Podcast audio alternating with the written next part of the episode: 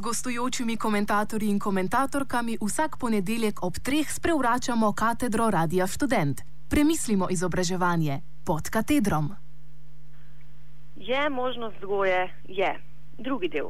Vedeti in hoteti dobro. Prejšnji krat smo izpostavili specifični problem nevidnosti nemogočega, ki za sodobno pedagoško miselnost tako rekoč ne obstaja. Tokrat nadaljujemo z vprašanjem pozicije sodobne pedagoške miselnosti in njenih strukturnih sprevidov. Kakšna je torej strukturno določena pozicija sodobnega vzgojitelja, pedagoga in starša, s katere nemogoči problemi, ki zadevajo travmatično jedro, niso in ne smejo biti vidni?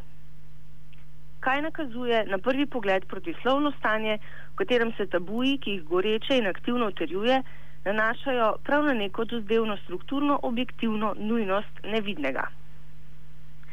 Vsem sodobnim pedagoškim prizadevanjem je skupno, da stremijo k temu, kar je dobro za otroka. Dobro otroka je danes ena ključnih kategorij vrhovnega družbenega dobrega ali ena od najglasneje deklariranih družbenih vrednot.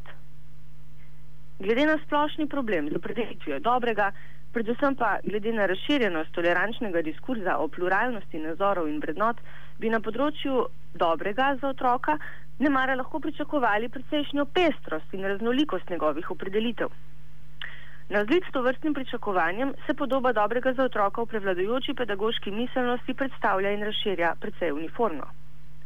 Mimo grede naj omenimo, da oblikovanje in ustrajanje poenotujočih uniformnih trendov v družbi zapovedane pluralnosti in individualnosti nikakor ni nekakšna odzune povzročena deviacija, temveč prav eden od prikritih učinkov prevladujoče ideologije.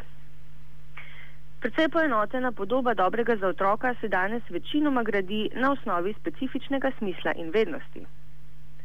Lahko bi rekli, da v sodobni pedagoški miselnosti prevladuje tendenca k razumski osmislitvi, obvladovanju in načrtovanju vzgojno-izobraževalnega polja. Sodobni vzgojitelj, pedagog, starš je zavezan imperativu pravilne vzgoje in poučevanja, pri čemer se pravilnost večinoma avtorizira s tako rekoč neuprašljivo vednostjo o psiholoških zakonitostih otrokovega razvoja, o zakonitostih učenja in, in, in temu ustreznih pristopov in metod. Na to psihološko vednost se skoraj brez izjeme sklicujejo tako pedagoški strokovnjaki in šolniki, kot tudi starši, ki v skrbi za dobrobit svojih otrok vedno bolj angažirano vstopajo v pedagoški diskurs. Pozicija vzgojitelja, pedagoga, starša, o kateri govorimo, je v svojem osnovnem zastavku skupna praktično vsem. Če jo v prvem planu opredeljuje ta skrb za dobro otroka in popolna dobronamernost, jo preko implicitne opredelitve dobrega hkrati določa psihološka vednost. Prevladujoči ideal in imperativ sodobnega vzgojitelja, pedagoga, starša tako sestavljata predvsem dobronamernost in pravilnost, ki jo zagotavlja instanca psihološke vednosti. Kljub precejšnji očitnosti ne mara ni odveč poudariti, da ta instanca, pozor, ne po svoji vsebini, pač pa po strukturni funkciji in učinkovanju, nastopa kot neoprašljiva in brezpogojna avtoriteta, ki spominja na avtoriteto transcendence. Povedano drugače, nastopa podobno kot neoprašljiva in brezpogojna avtoriteta Boga. Kolikor je formulo ne po svoji vsebini, pač pa po strukturnem učinkovanju dan današnji in zlasti v okviru prevladujoče pedagoške miselnosti teže razumeti, kot bi to ne mara mislili, malo ponavljanja najbrž ne bo škodilo. Ne gre za to, da bi psihološkim ugotovitvam o otrokovem razvoju in učenju odrekali vsakršno objektivno, znanstveno ali resničnostno vrednost.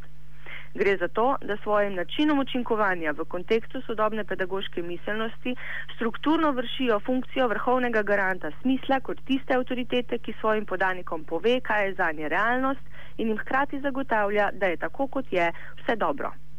Prav zaradi te poteze sodobna pedagoška miselnost v svojih najbolj skrajnih izrazih pogosto precej spominja na to, čemu bi lahko rekli fanatični diskurs. Torej diskurs, ki v svoji upravičenosti, svojem poslanstvu in svoji poziciji vsaj na površini svojega izraza niti najmanj ne dvomi. Ni nepomembno, da se vednost o pravilnosti vzgoje v pedagoški miselnosti povezuje s čisto benevolenco vzgojiteljev, pedagogov, staršev.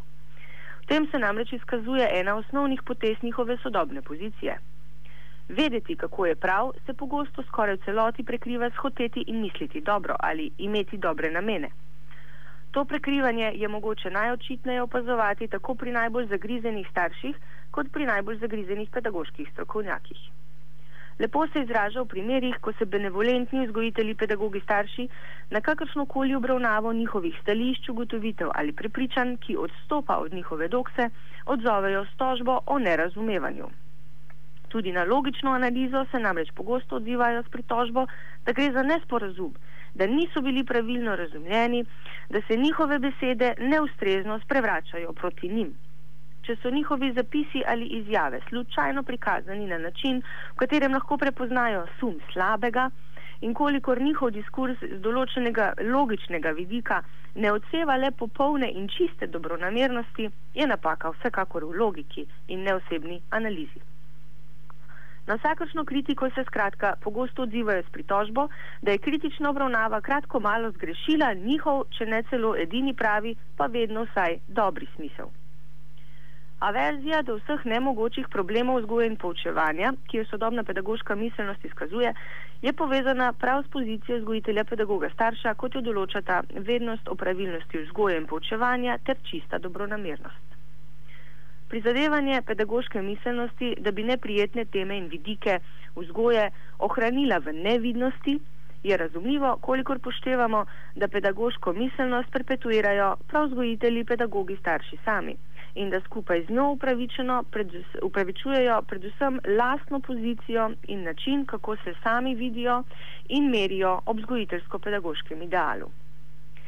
Vedeti prav za otroka in imeti dobre namene ne določa le dobre vzgoje ali dobrega poučevanja, temveč predvsem dobrega vzgojitelja, pedagoga. Pomembno je uvideti, da je stvar tu zelo osebna in da osebe, za katerih osebnost in občutke tukaj gre, niso samo vzgajani in poučevani otroci. Ko je na tnalu prevladujoča pedagoška miselnost, ni kot so zmotno prepričani nekateri njenih najbolj gorečih zagovornikov, pod vprašanjem le dobro za otroka. V prvi vrsti je, kot pogosto kažejo užaljene reakcije, očitno ogroženo neko dobro za vzgojitelje, torej način, kako vzgojitelji, pedagogi, starši dojemajo sebe in svojo realnost. Dobro za vzgojitelje, ki podgrajuje vsakršno deklarativno dobro za otroka, je danes strukturirano na poseben način. To, kar se v okviru pedagoške miselnosti perpetuira z načeli pravilne vzgoje, ne zadeva le vzgajanih, pač pa tudi vzgojitelje in celotno družbo. Elementi in ugotovitve psihološke vednosti se tako v pedagoški miselnosti kot v širšem javnem diskurzu upenjajo v tok prevladujoče ideologije, o kateri smo že govorili in katere osnovni izraz je to, čemer psihoanaliza pravi imperativ užitka. Lahko bi mu rekli tudi imperativ prazne samonanašalnosti, ki jo lepo ponazarja že precej obrabljena, a še vedno delujoča zapoved: bodi to, kar si. Samonanašalnost je toliko bolj mučna, kolikor se zapoveduje v imenu posameznikove srečnosti. Prisilna sreča, za katero si odgovoren sam, gre v prevladujočem ideološkem polju z roko v roki s prisilno svobodo, ustvarjalnostjo in inovativnostjo.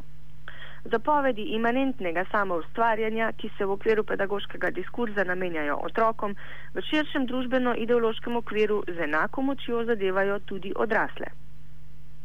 Pozicija vzgojitelja pedagoga starša je tudi sama podvržena imperativu srečne samobitnosti, ki ga perpetuira. Situacija, v kateri se zato nahaja, je povsem nezavidljiva. Podrejati mora, ne da bi deklarativno podrejala srčika skupnega dobrega, ki ga mora izvajati nad otrokom, je pravzaprav v zapovedi, naj si svoje dobro vsak zase iznajde, priskrbi in zagotovi sam. Sodobna pedagoško-zgojiteljska pozicija ima zato ključno težavo prav tam, kjer se mora nasklicevati na višjo instanco skupnega dobrega, saj avtoriteta, na katero se opera, prepoveduje na tanko to vrstno opiranje in sklicevanje. Vednost, ki jo utemeljuje, na deklarativni ravni noče biti vednost. Garant, ki jo avtorizira, prepoveduje gospodstvo. Sodobna pozicija vzgojitelja pedagoga starša je zato protislovna.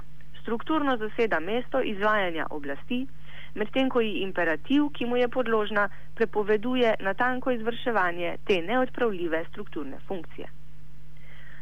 Prizadevna vtaja nemogoče problematike vzgoje je zato povsem razumljiva saj bi se z njeno pripustitvijo k mišljenju zatresla, če ne kar se sula, že tako krhka pozicija vzgojitelja pedagoga starša, kot jo določa aktualna prevladujoča ideologija. Če si sodobna pedagoška miselnost na vse glas zaterjuje, da neokrnjena možnost vzgoje obstaja, da torej njenega traumatičnega jedra ni, s tem hkrati blaži lastno nelagodje, ko zaterjuje, da obstaja tudi neproblematična pozicija vzgojitelja, pedagoga, starša, ki je, tako kot otroci, tudi sam popolnoma in neskaljeno srečen. Komentar sem pripravila Vesna Pobežin.